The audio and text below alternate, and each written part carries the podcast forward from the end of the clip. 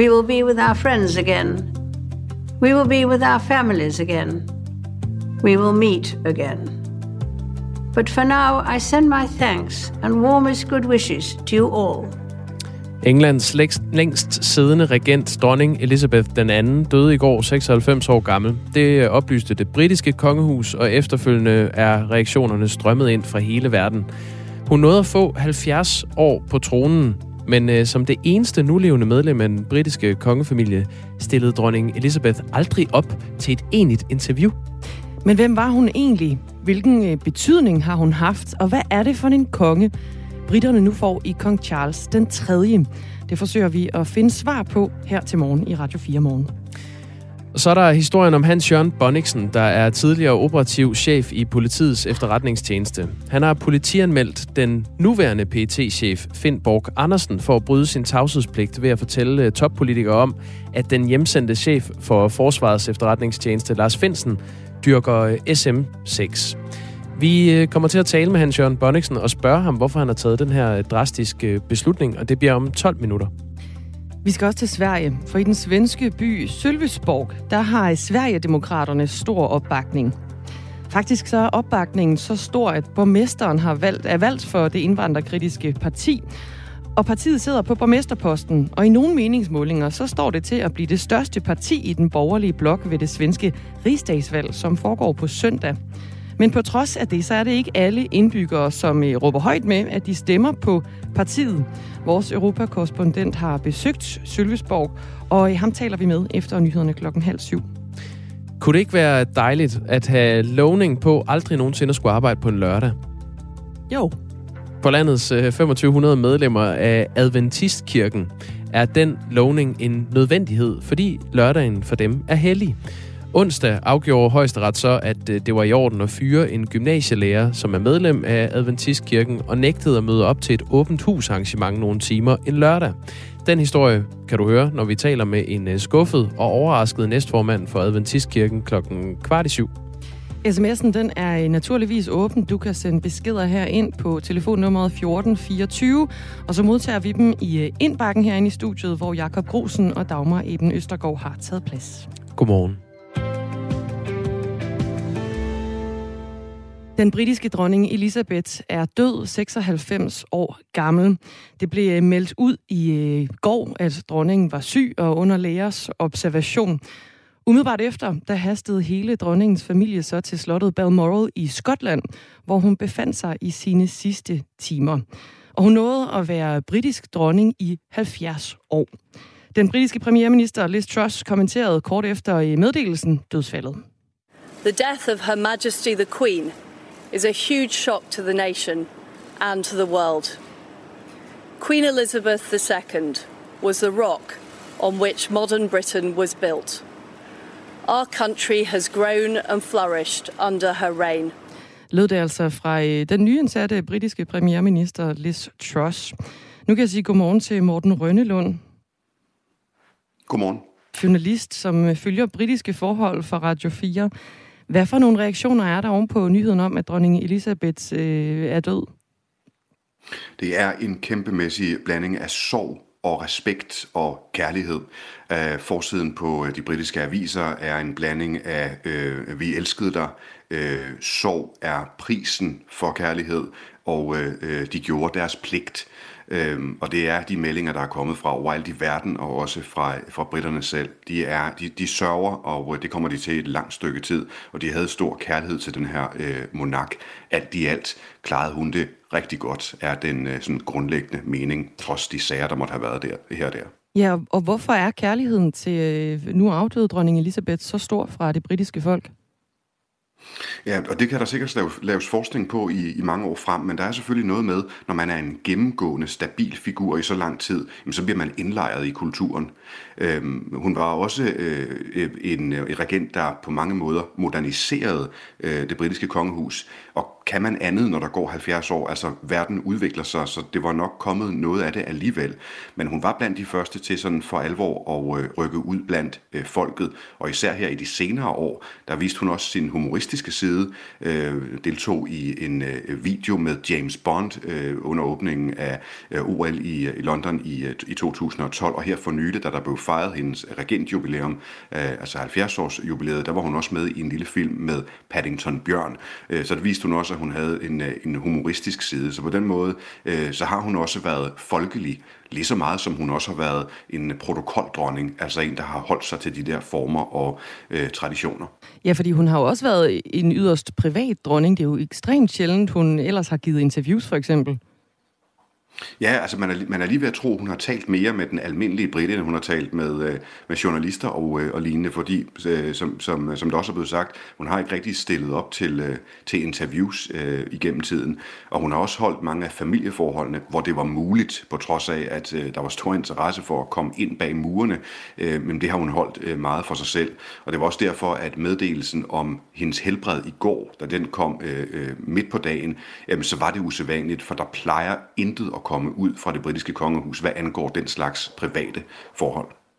Dronning Elisabeth har været britisk dronning siden 1952, og i juni der markerede hun sin 70 år som øh, dronning med en fire-dages national fejring. Den 96-årige dronning øh, var syg af flere omgange det sidste år af sit liv, og monarken måtte senest i forgårs aflyse et videomøde med en øh, række ministre, efter hendes læger havde anbefalet, at hun holdt sig i øh, ro dronning Elisabeth øh, som øh, monark, hvordan har hun haft øh, betydning for det britiske monarki, som jo er en af øh, ja, verdens ældste? Jamen, hun har på mange måder moderniseret det, og der har været et par skandalesager og, og, og kritikere af, af monarkier som sådan vil, vil hurtigt slå ned på dem, og det er der også grund til at kigge på. Men alt i alt har hun moderniseret det. Hun har også rehabiliteret øh, øh kongehuset for så vidt som, at det var jo aldrig meningen, at hendes side af familien skulle være magtlinjen Altså, øh, hendes far øh, fik magten, fordi at hans bror hoppede fra. Øh, så, så på den måde skulle hun øh, og hendes side af familien bringe, bringe huset øh, tilbage til, til, til storhedstid, og det har hun i det store hele øh, gjort.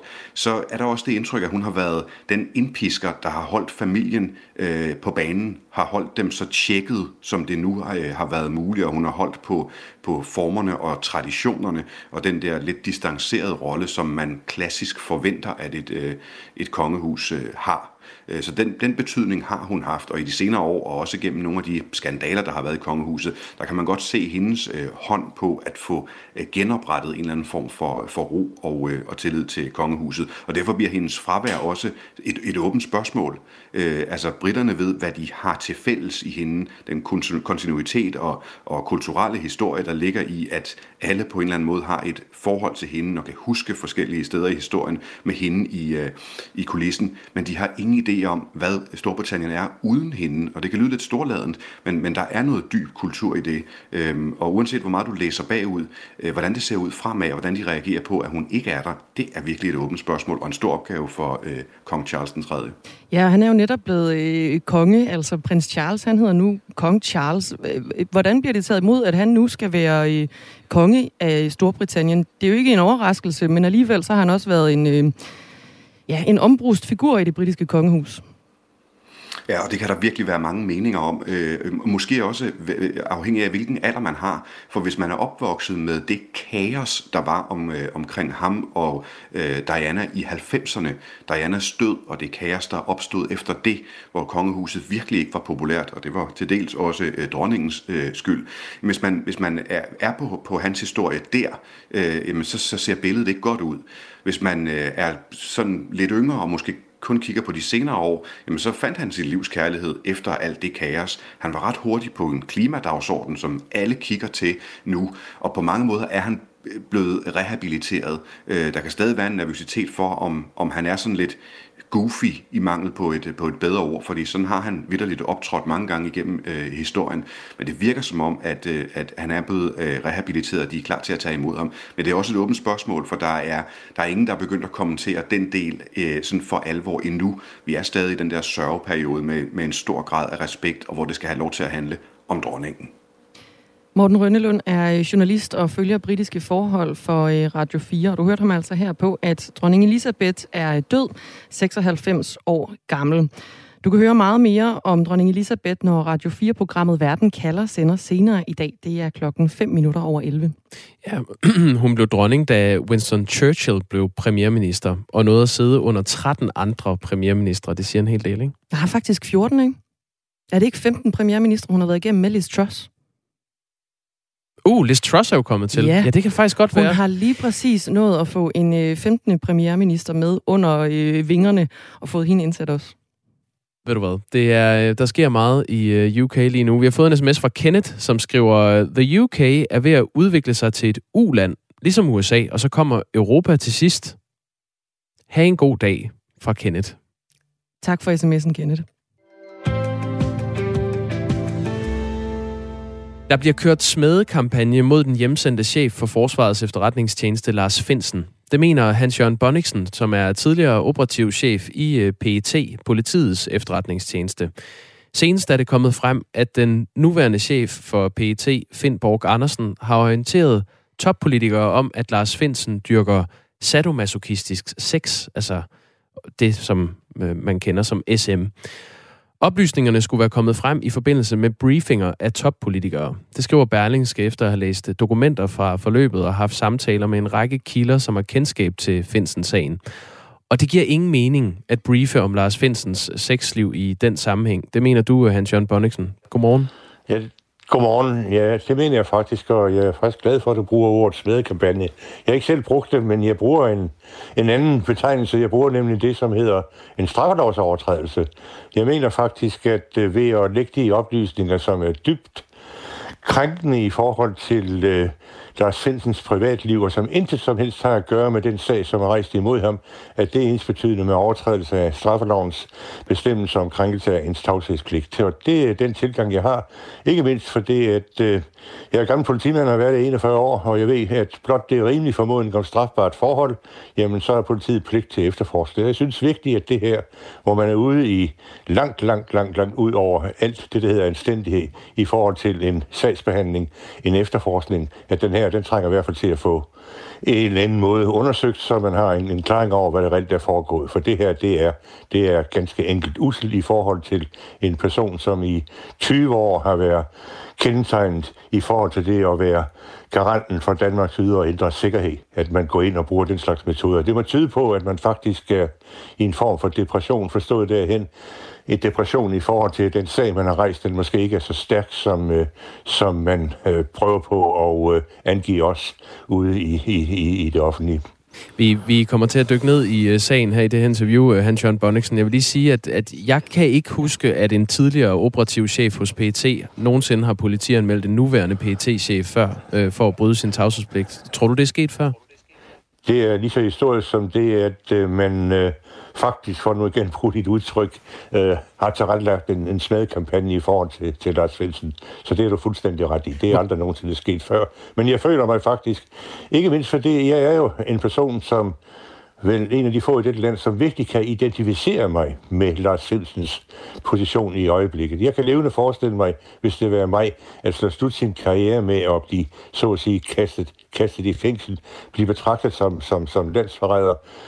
Netop i en situation, hvor man fra Justitsministeriets side faktisk havde bemyndelsen til at stoppe den her sag fra aller, aller første dag, uden at det har fået den her skadevægtning, skadevægtning, ja, så at sige tragedie i forhold til en række personer, ikke mindst Lars Finsen og Claus Hjort, men også skadevægtning i forhold til Danmarks øh, sikkerhed, skadevægtning i forhold til organisationen Forsvars Efterretningstjeneste. Det kunne man ved en fornuftig brug af den bestemmelse, der findes i straffeloven, som justitsministeren har adgang til, det kunne man have stoppet fra allerførste dag Det gjorde man ikke. Man er kørt ud, og jeg har indtrykket af, at man simpelthen har kravlet så højt op uh, i træet, at man er svært ved at komme ned igen, og så forfalder man til den slags metoder her, som jo er, er fuldstændig upassende.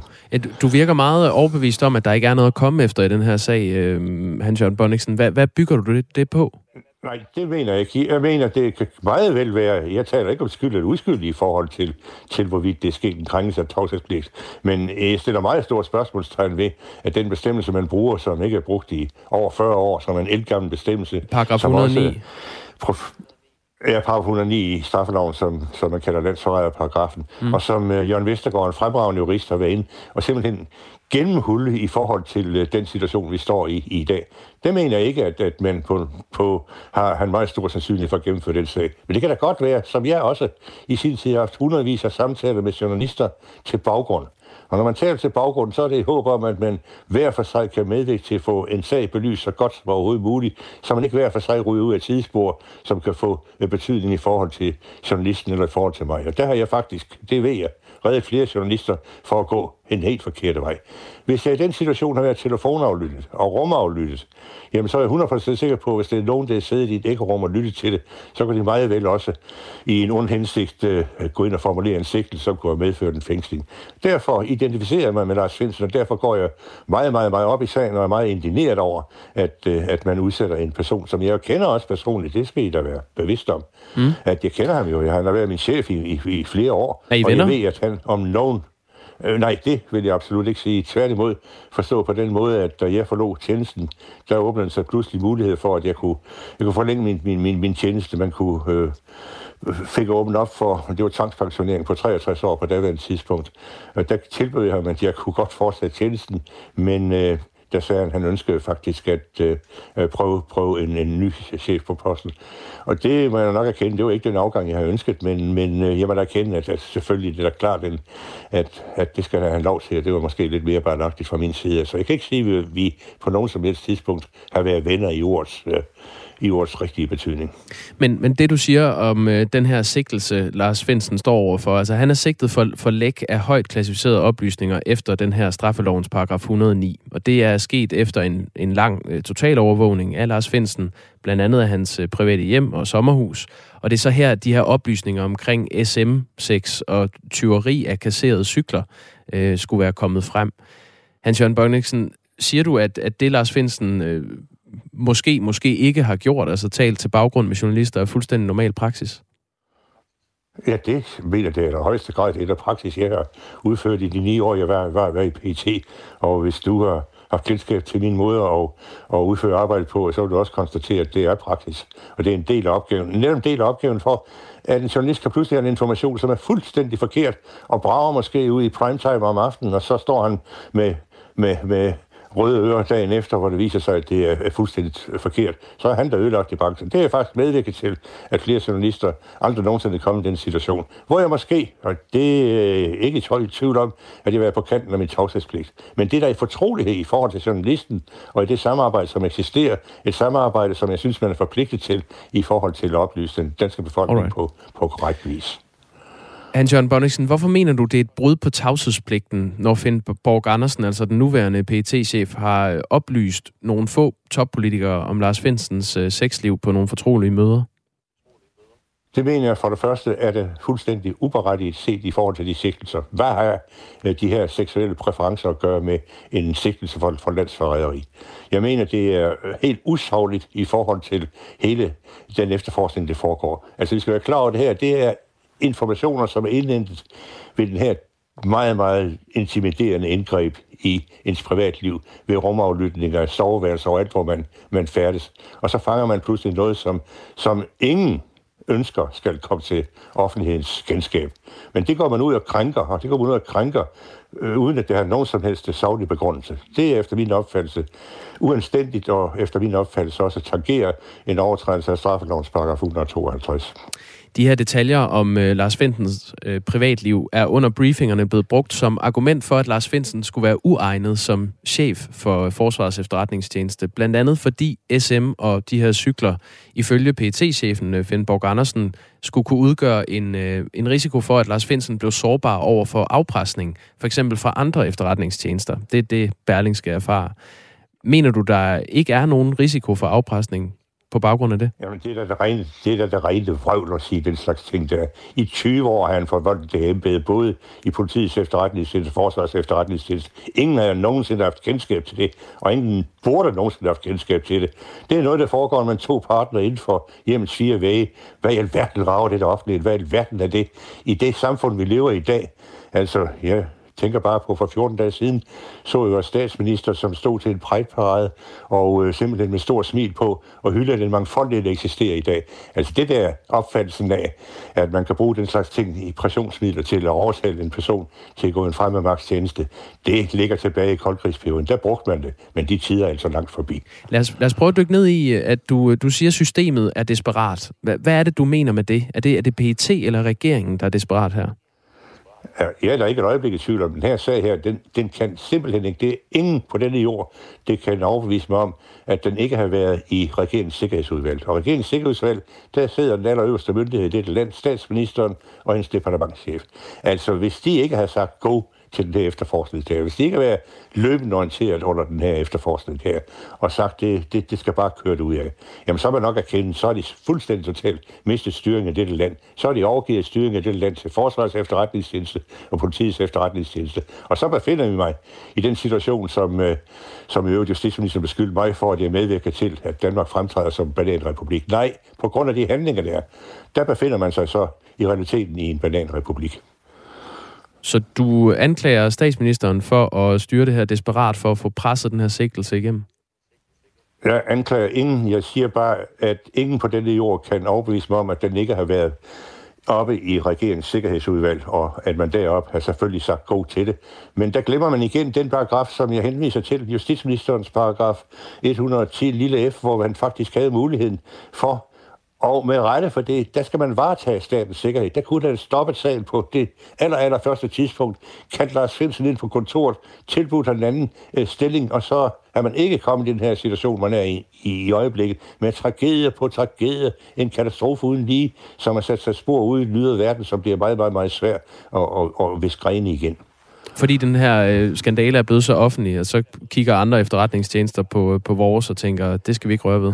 Ja, jamen, jeg kan ingenting kan forsikre dig for, at rundt i verden, i dem, som er fjendtligt stemt over for os, der sidder de ikke af tommeltot i øjeblik. De fryder sig over, at øh, man i Danmark faktisk skal være i stand til at gøre et meget bedre arbejde, end de var i stand til.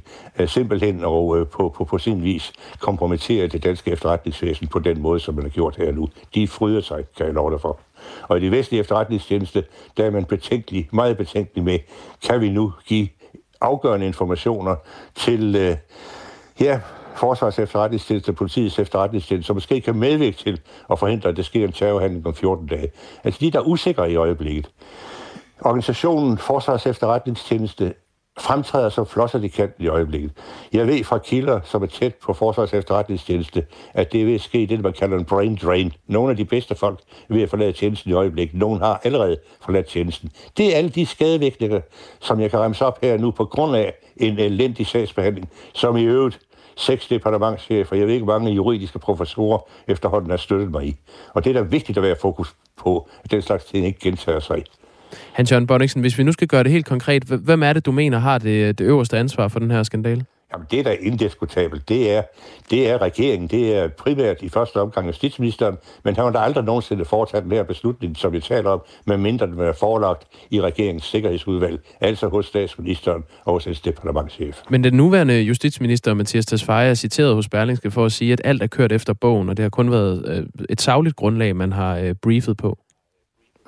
Ja, jeg må bare konstatere, at det er andre, der har en stik, stik modsat opfattelse, og som måske har en meget, meget dybere indsigt i forhold til, hvordan tingene foregår. Blandt andet seks departementchefer herunder en tidligere departementchef, Michael Lund, som er kendt som vigtig en skarp, skarp hjerne, en vigtig person, som, som ved, hvordan den slags ting skal håndteres. Det kan jeg bare konstatere, og så kan man sætte det op mod til Svejer og hans korte embedsperiode, og hvordan den her sag er håndteret. Det kan man så selv afgøre, hvorvidt, hvad, hvad, hvad man lægger vægt på. Hans-Jørgen Bonniksen, øh, tak for at medvirke her i programmet. Lige fortælle, hvorfor du har politianmeldt den nuværende chef for PET, Finn Borg Andersen. Jeg vil bekomme det. Hans-Jørgen Bonniksen er altså tidligere operativ chef i øh, PET. Og den nuværende chef, Finn Borg Andersen, ønsker hverken at bede eller afkræfte Berlingskes historie om, at han angiveligt har øh, afholdt fortrolige briefinger og skulle have delt private detaljer om den hjemsendte chef for Forsvarets efterretningstjeneste, Lars Finsen. Han siger endvidere i en skriftlig udtalelse, som er sendt til øh, flere medier, at sagen mod FE-chefen har været behandlet, som andre siger, øh, der handler om rigets sikkerhed og tilføjer. Øh, jeg vil, jeg vil dog gerne fuldstændig afvise, at der på noget tidspunkt er videregivet oplysninger, som ikke er saglige og relevante. Og igennem PT's øh, pressetjeneste har Radio 4 øh, spurgt Finn Borg Andersen, hvordan han forholder sig til, at Hans Jørgen Bonniksen har anmeldt ham for brud på tavshedspligten. Og PT har oplyst, at det får vi ikke en kommentar til. Du lytter til Radio 4 morgen, hvor Thomas Sand har nyhederne klokken er halv syv.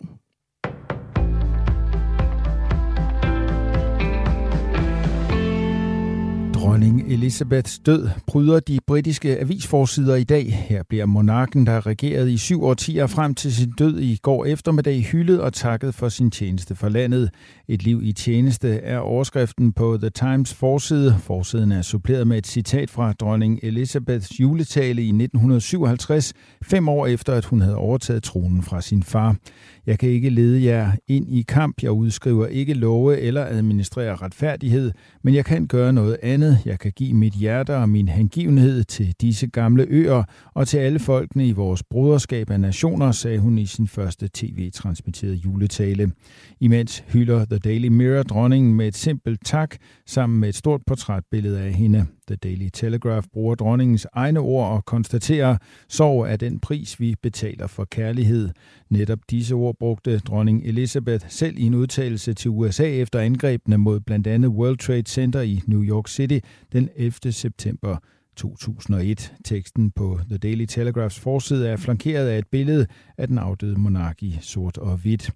På forsiden af The Sun er der to billeder i sort og hvidt af dronning Elizabeth. Et af hende som ung dronning med en diamantkrone på sit mørke hår, og et af hende fra nyere tid med næsten helt hvidt hår. Vi elskede dig, deres majestæt, står der. Derudover har avisen trygt Storbritanniens nye konge, kong Charles' udtalelse om sin mors død på forsiden. Og på Daily Express' forside står der, vores elskede dronning er død. Nordkoreas atomvåben er kommet for at blive, og en nedrustning kan så absolut ikke komme på tale. Det er budskabet fra landets leder Kim Jong-un i forbindelse med en ny lov om atomvåben, der er blevet vedtaget i Nordkorea.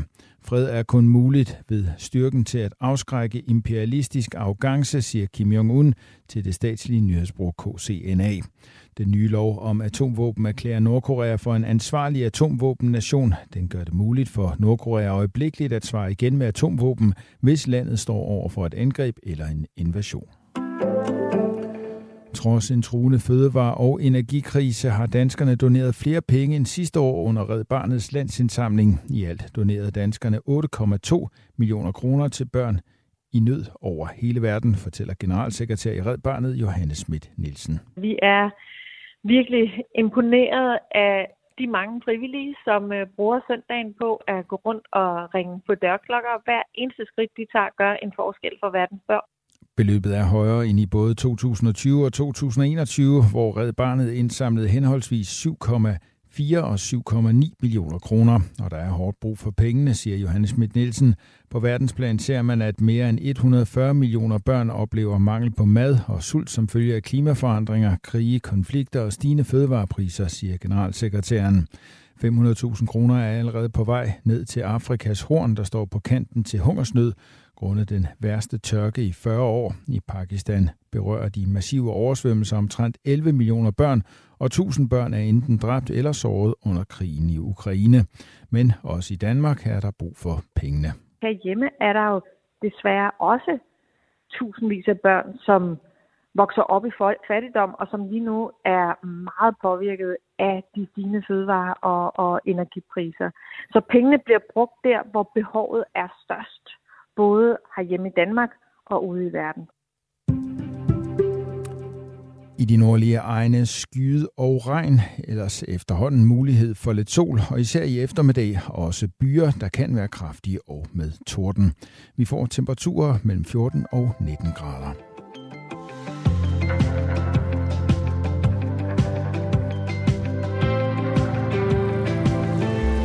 Der er kommet sms'er ind på det nummer, der hedder 1424. Blandt andet på øh, interviewet med øh, Hans Jørgen Bonniksen, som er øh, tidligere operativ chef i øh, PET, der har øh, ja, politi anmeldt den nuværende. Der er en her, der skriver, det er Martin fra København. Hans har ret. Forkasteligt at udstille folks sexliv. Det er privat og ikke noget, andre behøver at have en holdning til. Personlige drøfter er, ikke noget, er der ikke noget galt med, og det er et tavligt. Og det er tavligt at forsøge at ødelægge en persons omdømme, skriver Martin fra København. Der er flere, der gør opmærksom på, at han Jørgen Bonniksen øh, er en venstre mand. Øhm, det er rigtigt nok. Det, han har i hvert fald øh, været en del af partiet Venstre tidligere, men han, han meldte sig ud øh, for år tilbage. Det gjorde han i øh, 2016, så vidt jeg husker, efter at øh, Folketinget med Venstre i spidsen havde vedtaget asylstramninger. Øhm, men altså, lad os da bare få deklareret det. Det er han. Der er også kommet sms'er... Øh, Eller var han? Var han. Der er også kommet sms'er ind på øh, en anden, som var. Det er dronning Elisabeth. Ja. Hun er øh, død, 96 år gammel. Det kom frem i går aftes. Og René han spørger, kan det passe, at jeg så en tekstboks på DR1, imens Liz Truss talte i aftes, hvor der stod, at dronning Elisabeth havde været mekaniker i hæren under 2. verdenskrig? Eller var det måske en fejl? Ellers er hun den mekaniker, jeg kender, der har klaret sig bedst. Det skriver René. Og ja, René, hun er den mekaniker, der har klaret sig bedst, fordi hun var øh, i militæret under 2. verdenskrig, som de fleste andre øh, tronfølgere. Så kom hun i militær, militæret, og var der altså under øh, krigen. Og hun arbejdede i øh, Herrens Hjælpekorps, og så øh, arbejdede hun også som ambulancechauffør og mekaniker. Sådan. Det er jo en, en øh, dronning med hænderne skruet øh, ordentligt på. Vi kommer til at øh, behandle dronning Elisabeth den anden død øh, gennem hele programmet, og vi kommer til at tale med, med flere kilder, som øh, ved noget om hende. Også en, som har mødt hende på et tidspunkt. Ja. Så øh, hvis du gerne vil blive lidt klogere på, hvem hun var, og hvad det betyder, at britterne nu får kong Charles den 3. En øh, måske lidt stiv type, og hvad han, øh, hvad han kan bidrage med, så bliver hængende her på kanalen. Inden vi skal til Storbritannien og øh, dronning Elisabeth og kong Charles, så skal vi mod Sverige.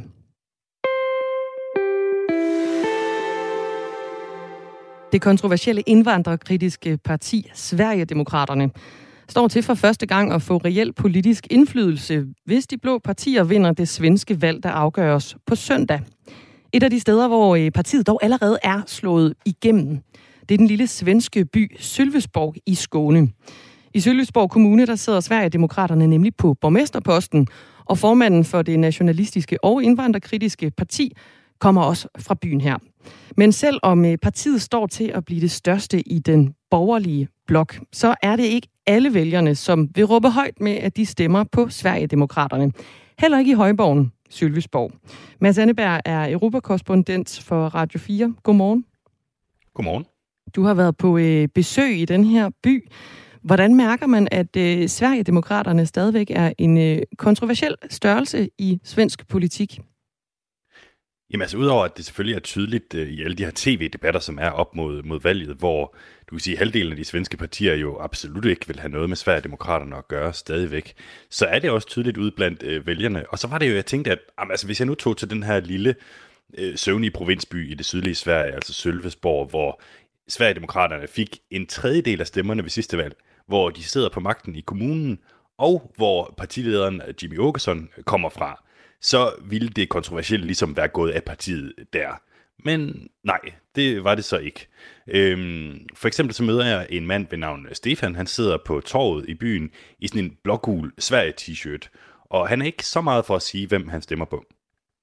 Ja, jag vill inte avslöja riktigt var jag har lagt min röst. Eh, Jag är ingen rasist, eh, nazist eller då fascist eh, utan jag tycker att Danmark har gjort mycket eh, goda förebilder som eh, Sverige kan ta åt sig och eh, försöka då tillämpa. Alltså, tydligen röstar du på SD, men vill inte säga att du gör det. Va- va- Varför inte? Ja, jag kan väl avslöja att eh, mina röster har gått ditåt, ja. Mads Anneberg, hvad er det, Stefan han fortæller dig her? Jamen, der, nu, jeg har øh, forskånet jer for meget af det, jeg har klippet det rimelig stramt, men, men der går vidderligt syv minutter fra, jeg spørger ham, hvad han stemmer på, til han rent faktisk siger det. Det er som om, folk har et eller andet i munden, som gør, at de ikke øh, kan tale ordentligt, simpelthen. Han, øh, han er ikke racist, men han synes, at vi er fat i den lange inde i Danmark og så videre. Så skal han ligesom igennem sådan en hel øh, tale af ab- abstrakte ting, han lige skal sige, før han så ligesom til sidst for sig, oh, okay, jo jo, jeg stemmer på Sverigedemokraterne. Og, og der er andre, som nærmest sådan visker det til mig, sådan, jo, jeg støtter Sverigedemokraterne. Og hvor jeg sådan her, prøv at høre, jeg er fra Danmark, du, du kan bare sige det til mig. Hvor, hvorfor er det stadigvæk så tabubelagt et emne? Altså når du siger, at folk visker til dig og taler udenom nærmest i, øh, i syv minutter. Hvorfor er det stadig så tabulagt at stemme på et parti, som mange andre jo sådan set også stemmer på? Jamen, der er jo to ting i det, fordi for det første så er der deres historie. Øh, her i sommer, der kom der sådan en større udredning af partiets øh, historie, som, som de faktisk selv havde bestilt, som viste, at mindst en tredjedel af partiets grundlæggere kan kobles til nazistiske eller fascistiske bevægelser. Og det er jo altså ikke et parti, der er stiftet i 40'erne, det her. Det er jo et parti, der er stiftet i 1988. Så det er jo ikke så øh, fedt. Og derudover så kommer der jævnligt beskyldninger om, at der også er nuværende medlemmer, som har den her slags øh, forbindelser. Og den anden ting, det er jo så, at mange svenskere bare mener, at Sverigedemokraterne står for en racistisk politik, fordi de har fokus på at begrænse indvandring, og fordi de jo virkelig øh, går i kød på den sammenhæng, der er mellem indvandring og kriminalitet i Sverige. Og det er jo ikke så kontroversielt i Danmark, men det er det altså her i, i Sverige stadigvæk. Men er der tænker, fortsat prøve... Øh, forbindelser, altså er der et bevisligt forbindelser mellem øh, nazismen og, og Sverigedemokraterne, eller er det bare noget, som sådan ligger og ulmer lidt? Jamen, der, der, der, det varierer meget sådan, ved at vurdere i, i kvaliteten af de beskyldninger, der, der, der kommer. Nogle virker sådan lidt grebet ud af den blå luft, og andre er, er mere substantielle. Øhm, og, og Sverigedemokraterne siger jo, at jamen, det er jo bare fordi, at det er venstrefløjen, øh, som, som beskylder os for det her, og, og der er ikke noget i det længere, selvom de selvfølgelig anerkender, at, at det var der engang. Og øhm, hvis, hvis det er okay med dig, øh, Dagmar, så tænker jeg, at vi lige skal prøve at høre fra, fra to svenskere, som måske i tale sætter det her meget godt. Øh, det er to svenskere, som jeg møder i Sølvesborg, eller det vil sige, jeg, jeg forstyrrer dem faktisk på deres første date, og de hedder så øh, Markus og Helene, og har kendt hinanden cirka en times tid, øh, der hvor jeg møder dem. Så de har ikke rigtig nået at tale politik, inden jeg ankommer og stiller dem en masse spørgsmål. Og de bliver ligesom sådan meget lettet, da de finder ud af, at de begge to stemmer på venstrefløjen og ikke Sverigedemokraterne. Jamen, det er helt okay. Lad os prøve at høre en gang. Så I, I to venstreorienterede øh, ja, svenskere. Ja. Det er godt at vide. Ja, det var lidt sådan. Ik- ikke det? lidt ja. okay. Og øh, hvad ville du gøre, hvis øh, hun havde sagt, hun stemte på Sverigedemokraterne? Ja, det hade nog inte blivit någon mer dejt tror jag inte. Men eh, det hade kanske blivit en eh, intressant diskussion istället. Vad siger du? Uh, jeg siger lige det samme. det, skulle, det skulle ikke have været en anden date, nej. det er lidt sådan, uh, så, så er vi lidt for forskellige, for det skal virke uh, mellem os. ja. Forklar mig, hvordan det foregår. Hvad, altså, hvad er der så slemt på det? Altså, i min erfaring, øh, altså jeg, jeg er udtalet for det første antiracist, uh, eh, og det har jeg altid været. Uh, eh, og mange af dem, som, som jeg møder, som, som stemmer på SD, vi deler overhovedet, som, som man sagde, menneske, altså synet på mennesket, eh, uh, at alle har, altså alle har lige uh, ret uh, i, i samfundet. Det, det er så grundlæggende. Så, så hvis man ikke er enige der, så, så er der ikke meget at bygge noget på. Sådan er det. Så baseret på vores snak nu om politik, skal I så på en anden date? Ja, måske. øh, jeg tror det. Jeg vil det. Mads Anneberg, vil du ikke prøve at lige referere her, hvad der bliver øh, snakket om i øh, din samtale med de to her? Jo, det vil jeg meget gerne. Altså, det er jo to øh, unge svenskere, som er på date for, for første gang, og som ligesom, øh, da de finder ud af, at ingen af dem stemmer på Sverigedemokraterne, er meget åbne for at ligesom gå på en anden date også. Og det er jo ligesom bare et, et godt eksempel på det her med, at i, i store dele af det svenske samfund, der er det stadig et kæmpe øh, tabu, det her med Sverigedemokraterne, og at der er så mange efterhånden, der, der stemmer på dem. De står til 20 procent i, i meningsmålingerne. Men øh, mange mennesker, som, som jeg møder også i Sølvesborg, altså, øh, siger, at nej, men jeg kender ikke nogen, der, der, der stemmer på, på Sverigedemokraterne. Så det er, øh, jamen hvad kan man sige, det er lidt ligesom det, det var i, i Danmark for lang tid siden, øh, at, at, at der er den her, den her store opdeling i svensk politik. Og som du rigtig nok siger, så øh, står Sverigedemokraterne i målingerne til at blive Sveriges næst største parti med de her cirka øh, 20 procent, altså hver femte stemme. Og hvis målingerne de holder, så bliver det det største parti i blå blok, større end øh, Moderaterne, der ledes af den blå statsministerkandidat Ulf Christensen. Men Sandeberg, i hvor høj grad kan man egentlig sammenligne øh, Sverigedemokraterne med, hvis vi trækker tråd hjem til Danmark, Dansk Folkeparti eller Nye Borgerlige? Ja, altså udover at Dansk Folkeparti og Nye Borgerlige nok begge to vil være rimelig misundelige på at stå til 20% i meningsmålingerne, så, så er det da en nærliggende sammenligning. Altså fordi, som jeg var inde på, så føles det nærmest som at være gået ind i en tidsmaskine, og så rejst 20 år tilbage i tiden, dengang DF var ved at komme ind i, i varmen i dansk politik. Forskellen er så selvfølgelig, at Sverigedemokraterne, jamen, de er jo blevet holdt, ude, øh, holdt udenfor helt indtil nu. Og det er jo så det, der kan ændre sig ved det her valg, fordi at de borgerlige partier pludselig er kommet i tanke om, og har fundet ud af, nu vil vi altså gerne samarbejde med, med Sverigedemokraterne. Så hvis de vinder, jamen så, så får de jo indflydelse.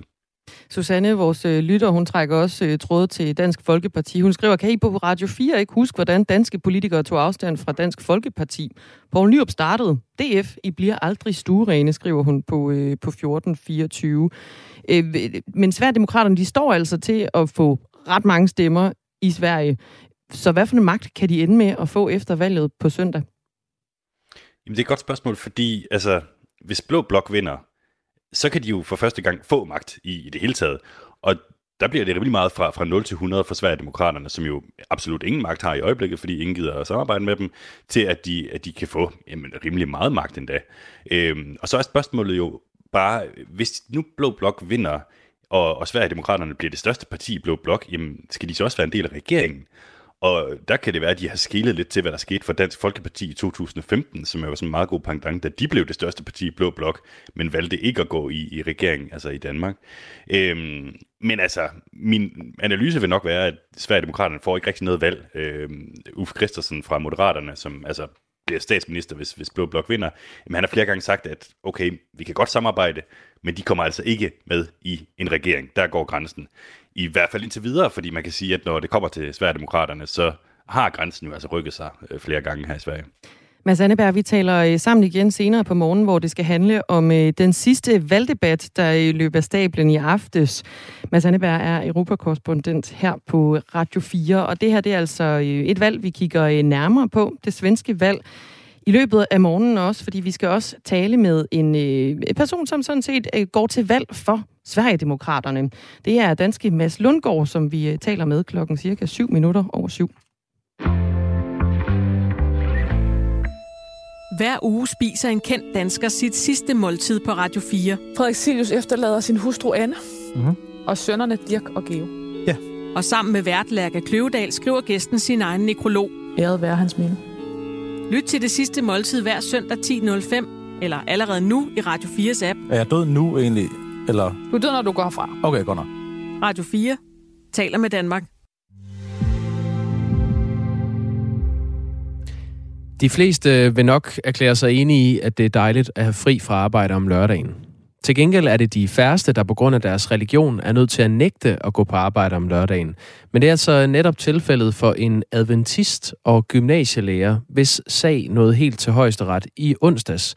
Her slog dommeren fast, at det var nødvendig forskelsbehandling at bede læreren gå på arbejde på en lørdag, og derfor var det i orden, at øh, gymnasiet, som den her lærer var ansat på, valgte at fyre medarbejderen, fordi han øh, ikke dukkede op til et åbent hus arrangement på en lørdag. For de øh, cirka 2500 medlemmer af Adventistkirken i Danmark er lørdagen hellig. Det betyder, at øh, adventister kun må arbejde om lørdagen, hvis det er strengt nødvendigt for andre mennesker. For eksempel hvis man arbejder som læge, og det gælder liv eller død. Men ifølge højesteret var det altså også nødvendigt for gymnasielærerne at møde op til det her åbne hus arrangement, selvom det lå på en lørdag. Lasse Bæk er næstformand for Adventistkirken og med her i programmet nu. Godmorgen. Godmorgen. Resuméet i den her afgørelse fra højesteret i onsdags lyder sådan her. Arbejdsgivers pålæg om at møde på arbejde en lørdag var ikke ulovlig forskelsbehandling af den ansatte, der som led i sin religion helligholdt lørdage. Hvad er din og Adventistkirkens øh, reaktion på den dom? Det er jo selvfølgelig noget, vi er lidt skuffet over, fordi øh, vi måske havde synes det var lidt hårdt, at han blev fyret. Øh, som også dommen jo siger, det er jo på grund af hans religion, at han, han er blevet øh, forskelsbehandlet. Men øh, vi tager selvfølgelig til efterretning, at, at øh, nu har der været et forløb, hvor man har kigget på den her specifikke sag. Øh, det var jo ligebehandlingsnævnet, der havde, øh, havde givet ham ret og, og sagt, at det var en, øh, en fyring, der ikke var i, i orden. Og det er jo så det, der er blevet prøvet igennem domstolene, og, og selvfølgelig tager vi øh, sådan en dom til efterretning. Det er jo ikke vores sag, men et af vores medlemmer. Det drejer sig hvad, hvad, betyder det, I tager den til, hvad betyder det, I tager den til efterretning? Det, det er jo en respekt for, at, at domstolen har gået ind og kigget på detaljerne i, i sagen, og, øh, og selvom vi personligt ville jeg måske have synes, at, at, at jeg skulle have dømt lidt anderledes, hvis jeg var dommer, men jeg er jo ikke dommer.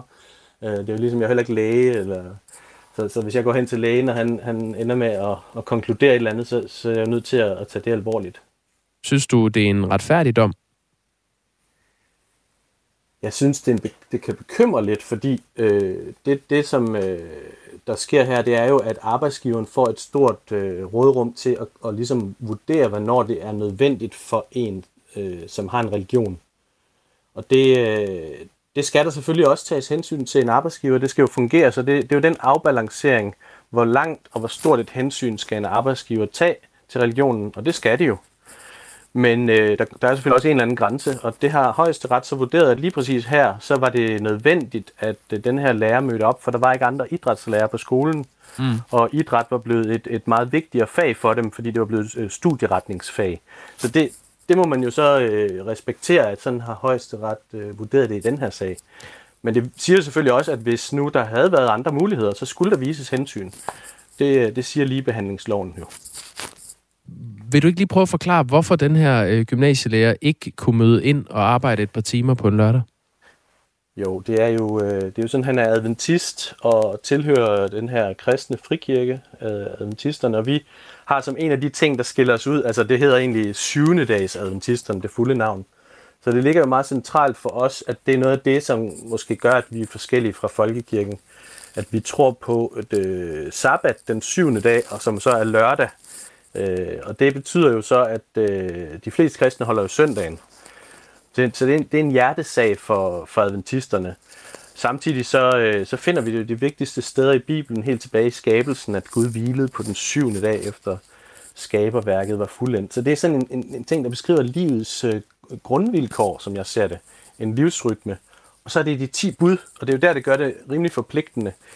10 bud, det er jo etik. Ikke? Du må ikke slå ihjel, du må ikke stjæle, og så står der sandelig mm. også, at du, du, det er ikke, du skal ikke bare lade være med de dårlige ting, men det er også noget godt, du skal gøre. Du skal hvile på den syvende dag. Hvad, prøv lige, så, så prøv lige at forklare mig, hvorfor er lørdag den syvende dag? Det, det kan du... Øh, ja, vi tænker jo tit, det starter med mandag, men det er jo en kalenderreform, der blev lavet i 1973. Øh, altså, den første dag i ugen øh, var jo søndag, hvor Jesus stod op fra graven. Det er faktisk øh, argumentet hos de kristne, der holder, holder søndagen, at man fejrer Jesu opstandelse. Det mener vi så ikke øh, erstatter den, den der hviledag, vi finder i de 10 bud. Okay. Øh, du kan også se, at jøderne holder, øh, holder øh, lørdagen som sabbat, og det, vi har jo det gamle testamente til fælles med jøderne. Lasse Bæk, øh, jeg skal lige bede dig om, øh, hvis du har et headset på, så knitrer det lidt. Øh, hvis du kan sørge for, at det oh, holder ja. stille, så, så er der bedre lyd på dig. Så forklarer jeg lige i mellemtiden, at den her gymnasielærer, som altså blev fyret fra øh, sin arbejdsplads, har været ansat siden 2011. Og ifølge sin ansættelseskontrakt havde læreren pligt til at udføre øh, pålagt mere og overarbejde efter reglerne i arbejdstidsaftalen for lærere. Og baggrunden for højesterets afgørelse er så, at arbejdsgiveren har gjort, hvad den kunne, for at finde en anden lærer og undersøge, om man kunne rykke dagen for arrangementet. Og det kunne man altså ikke. Øh, og landsretten kom frem til samme afgørelse som højesteret. Vi har talt med professor i religionsret på øh, RUK, Lisbeth Christoffersen. Hun mener, at man kan kalde den her sag principiel. Det kan man især, fordi øh, højesteret virkelig gør noget ud af begrundelsen i den her afgørelse, og det er en en meget, det er en meget velbegrundet afgørelse, som også løser nogle hidtidige problemer. Lasse Bæk, nu sagde du, at, at I tager den her dom til, til efterretning. Betyder det så, at I vil øh, tænke den ind i, hvordan man fremover som adventist skal gribe det an, hvis man gerne vil have fri på en lørdag? Jamen, det er klart, den her, når, det, hver gang noget kommer så, så langt som til højeste ret, så vil man altid referere tilbage til det. Og det er klart, at noget af det, jeg vil lægge vægt på, det er det samme, som øh, Lisbeth Christoffersen, hed hun det, som hun siger, ja. at øh, en arbejdsgiver skal altså øh, tænke over, om det er nødvendigt at tage det her hensyn. Og det vil jeg jo også rådgive vores medlemmer til, der kommer ind imellem i de her situationer. Og sige, jamen prøv, prøv at tale med din arbejdsgiver om, om, om der er en anden løsning. Er det virkelig nødvendigt? og så forsøge at, at finde frem. Og det er også det, der sker. Jeg, jeg får henvendelser en gang imellem om det her, og det er, det er sjældent noget større problem, når først arbejdsgiveren får forklaret lidt nærmere. Ligesom du også spørger ind, jamen hvad er det nu egentlig? Hvorfor er der nogen, der holder lørdagen? Det er jo lidt anderledes. Eller hvorfor mm. holder de sådan lidt ekstra strengt på det, kan man sige, måske, end, end man er vant til. Og når, når man får den forklaring, så er det langt de fleste øh, ved hjælp af god ledelse finder en anden løsning. Det var så ikke tilfældet her, øh, og det er jo lidt ærgerligt, men, men samtidig så, så har de jo så fået overbevist øh, retten om, at, at det var altså nødvendigt for dem i den her situation. Og det, det som sagt, det må vi jo tage til efterretning. Men Lisbeth Christoffersen her, øh, professor i religionsret på Roskilde Universitet, forstår faktisk godt, at gymnasielæreren forventede at få medhold i, at fyringen ikke var berettiget, det siger hun her. Det er netop det, der har været udgangspunktet i nogle domme, at man må ikke øh, afslå ansættelse eller fyre vedkommende, fordi han af religiøse grunde øh, ikke vil deltage. Øh, så, så det kunne godt, jeg kan godt forstå, hvorfor den her adventist havde troet, at han kunne komme igennem med, med, at han var uberettiget fyret. Hvis det var sådan, at man begyndte at sige, at han skulle komme hver lørdag, eller øh, fordi det passede arbejdsgiveren bedst. Men det er ikke situationen her. Arbejdsgiveren havde ikke andre til at varetage det, og måtte ansætte to eksterne lærere til at varetage det tre timers job, det handlede om. Lasse Bæk, du er altså næstformand for Adventistkirken. Er, er det ikke svært egentlig at varetage et arbejde som øh, adventist, hvis man er nødt til at nægte at arbejde fra, øh, det er jo fra solnedgang fredag til solnedgang lørdag? Det kan det jo være. Øh, og der vil jo være nogle jobs, hvor man siger, at det der, det, det kommer jo ikke til at gå. Altså hvis nu man skulle være vagt på, på, på et eller andet sted, hvor, hvor øh, på fodboldstadion hver eneste lørdag, og man ikke vil det, så søger man jo nok ikke det job. Øh, det har fungeret så nogenlunde i praksis, også fordi øh, man typisk søger jobs, hvor man ikke skal arbejde om lørdagen. Og det var egentlig også det, man har gjort som lærer. Det er jo typisk, øh, det ligger på hverdagsundervisningen, ikke også? Øh, men jo, så giver det problemer her, og, øh, og der er det jo så, at man egentlig skal vise det her hensyn, og så er de så i den her sag fundet frem til, jamen der kunne de ikke gøre andet. Det, det kan man jo så diskutere om er rigtigt, men der må vi jo sige, det har jo så været nogen, der har vurderet, at det var det, og, og det bøjer vi selvfølgelig for her. Hvad nu hvis en, en lærer skulle på øh, studietur med sin klasse i en uge? Øh, vil det så også blive betegnet som arbejde på en lørdag? Og, og det er klart, og der, og der kan jeg jo ikke, øh, vi har ikke sådan nogle helt sort-hvide øh, definitioner på det her. Det, det bliver jo også meget den enkelte, der må vurdere, hvad det er, der, øh, der deres samvittighed, hvad de, hvordan de kan forene deres tro med den praksis, de har. Altså, vi har ikke sådan en, en liste over, hvad der er rigtigt og forkert, men, men grundlæggende arbejde, det er, det er det, man skal lade være med på sabbaten. Så kan man sige, så er der situationer, hvor det, øh, hvor det er nødvendigt. det er jo sådan set også en, en, en ting, hvor vi synes det. Og du nævnte øh, læger. Øh, der er det jo selvfølgelig helt oplagt, at det er nødvendigt. Men der kan jo også være andre ting, hvor man siger, at det her det, det skal fungere, så der må jeg jo øh, træde til og det kunne så, den her gymnasielærer jo så godt have gjort, men valgte så at holde sig mere sort-hvidt til det. Ja, han opfattede i hvert fald, at det her arrangement ikke var, var omfattet af, af nødvendighed. Han tænkte, at det kan nogle andre gøre. Han havde jo også lagt til rette øh, en spiseseddel, en beskrivelse, hvordan en afløser kunne, kunne overtage det. Øh, men men øh, nu faldt dommen ud, som den, som den gjorde, og, og, øh, og sådan må, så må man jo prøve at leve med det. Mener du egentlig, at det er samfundets opgave at øh, indrette sig efter øh, en tros øh, holdning til, hvilke dage, der er hellige? Det er sam, samfundet skal ikke indrette sig uendeligt, øh, men samfundet øh, skal vise et rimeligt hensyn, fordi det er nogle beskyttede grupper. Det er handicappede, det er, der må ikke diskrimineres på grund af race og køn og religion.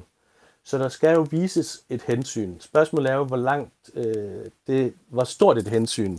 Hvornår bliver det for meget og for meget besvær? Mm. Øh, men der må en eller anden rimelighed, sådan at man kan sige, her der er det ikke så særlig besværligt, og man må strække sig i en, i en vis grad for at kunne imødekomme øh, folks religiøse praksis. Fordi det er jo derfor, vi har religionsfrihed. Det er jo fordi, der er plads til dem, der tror noget andet end flertallet. De skal også have mulighed for det og frihed til det, og kunne også i praksis have det. Vi, vi talte også med øh, Lisbeth Christoffersen, som vi har spillet et par klip øh, fra, altså professor i religionsret på Roskilde Universitet, om man i princippet kan finde på sin egen religion, som dikterer, at man for eksempel kun må arbejde mandag til fredag mellem 10 og 15. Og det kan man ikke. Øh, højesteret efterprøver, om man allerede er medlem af en bestemt kirke, om man plejer at praktisere de her bestemte fridage og, og så videre. Øhm, Lasse Bæk, er det sådan, I råder i Adventistkirken jeres medlemmer til at være åbne og sige ved ansættelsens øh, start, at de er nødt til at holde fri om lørdagen? Øh, det vil være for enkelt at sige. Jeg siger til dem, at hvis de, hvis de får sagt det der, så er det jo noget, der er aftalt. Så er det en del af en aftale, og dermed øh, gælder det, fordi det, arbejdsmarkedet er jo indrettet sådan, at det, man aftaler, det gælder på, på sit arbejde. Men samtidig så er det også sådan, at øh, en arbejdsgiver må ikke spørge ind til religion og derfor har man heller ikke krav på at oplyse det. Så man skal jo ligesom vurdere, er det, er det nødvendigt her at sige det? Altså bliver det overhovedet relevant? Fordi det, er jo både en, det kan jo være en meget personlig sag. Så, så jeg råder dem til at dele det, hvis de kan se, at det her kommer til at kunne give et problem. Mm. Så tag det i, i samtalen. Vi har, fået en, vi har fået en sms. Du har lige 10 sekunder til at svare på den. Øh, defineres arbejde også som arbejde, hvis man øh, arbejder i haven på en lørdag? Bare lige kort. Det vil, det, det vil være op til den enkelte. Alright. Tak fordi du var med, Lasse Bæk. Tak. Næstformand for Adventistkirken. Og med det blev klokken syv, så Thomas Sand, han har nyheder klar til dig.